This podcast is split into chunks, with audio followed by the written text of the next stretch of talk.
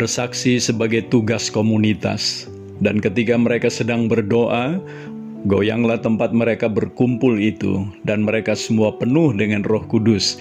Lalu mereka memberitakan firman Allah dengan berani. Kisah para Rasul 4 ayat 31.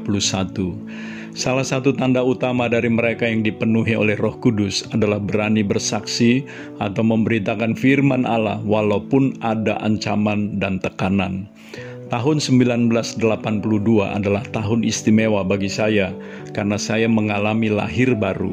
Walau belum penuh Roh Kudus, kerinduan untuk bersaksi sudah sangat kuat. Saya menjadikan perubahan dalam hidup saya sebagai sarana untuk menyaksikan nama Yesus. Saya menjadi jauh lebih rindu bersaksi ketika saya dibaptiskan dalam air dan pada saat yang sama juga dipenuhi dengan Roh Kudus. Saya ingat hari itu waktu pulang dari dibaptis, air mata mengalir tiada henti-hentinya. Bahkan ketika saya sudah berada di dalam bis kota, lalu sampai di rumah pun, di mana saya tinggal menumpang, air mata masih terus bercucuran. Ada sukacita tak terkatakan meluap dari dalam hati saya. Sejak saat itu, tiada hari di mana saya tidak memikirkan untuk mencari kesempatan bersaksi kepada setiap orang. Beberapa teman dalam komunitas saya yang tidak peduli sorga atau neraka akhirnya menjadi orang percaya. Pengalaman paling berkesan adalah saat saya dilatih dalam hal penginjilan pribadi oleh tim Lembaga Pelayanan Mahasiswa Indonesia pada tahun 1982 juga di Jawa Tengah, di mana saya diterjunkan di tengah pasar untuk belajar menemukan seseorang di mana saya harus memberitakan Injil melalui metode empat hukum rohani. Saya sungguh takjub karena pada hari itu di tengah keramaian pasar, saya akhirnya oleh pertolongan Tuhan dimampukan untuk menuntun dan mendoakan seorang anak muda yang membuka hati untuk menerima Yesus pada saat itu juga. Penginjilan pribadi kepada orang non-Kristen yang saya masih bisa ingat lagi adalah saat bersaksi kepada seorang ustaz di Mentawai dua tahun lebih yang lalu juga tahun lalu kepada dua orang bapak dari Bani Kedar yang memang telah cukup lama saya doakan. Saya masih mendoakan mereka sampai hari ini supaya pada waktunya Tuhan berkemurahan menjamah dan membuka hati mereka. Namun dengan berjalannya waktu, saya harus mengakui bahwa hasrat penginjilan pribadi seperti itu cenderung menurun. Saya pun sempat bertanya-tanya kepada diri sendiri, apakah saya telah kehilangan keberanian untuk bersaksi secara pribadi seperti dulu? Puji Tuhan, firman Tuhan yang kita baca tadi memberikan pencerahan kepada saya mengapa penginjilan pribadi bisa menjadi surut bukan karena kurang berani, tetapi untuk menjadi konsisten mengabarkan Injil perlu dilakukan juga secara bersama-sama dengan anggota komunitas.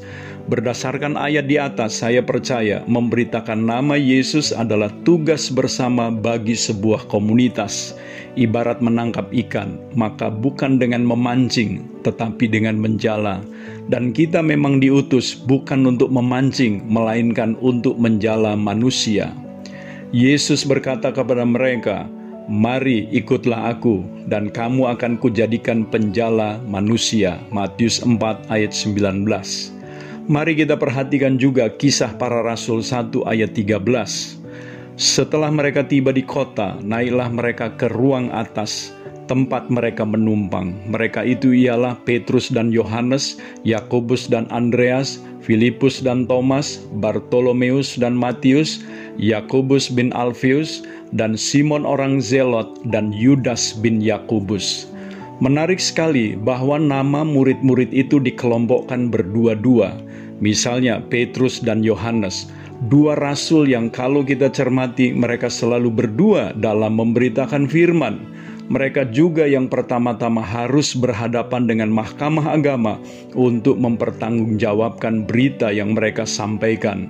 Secara pribadi tentu sangat boleh bersaksi, tetapi bersaksi secara berkomunitas akan jauh lebih berkuasa. Karena ketika kita menghadapi tantangan, kita bisa saling menguatkan, mendoakan atau berdoa bersama sehingga api Roh Kudus terus dapat dipertahankan. Sebagaimana pengalaman Petrus dan Yohanes yang menceritakan ancaman dari imam-imam kepala dan tua-tua Yahudi. Rasul-rasul yang penuh kuasa saja membutuhkan dukungan komunitas terlebih lagi kita. Pada momen di mana secara tradisi gereja kita memperingati hari pencurahan Roh Kudus, saya mengajukan dua pertanyaan kepada diri sendiri sebagai bahan evaluasi. Yang pertama, apakah saya telah tinggal dalam komunitas yang sungguh-sungguh mengasihi Tuhan dan jiwa-jiwa yang terhilang, dan bersama mereka telah menjalankan secara konsisten pekerjaan menjala jiwa? Yang kedua, apakah saya telah rela mengalami kesusahan demi keselamatan satu jiwa?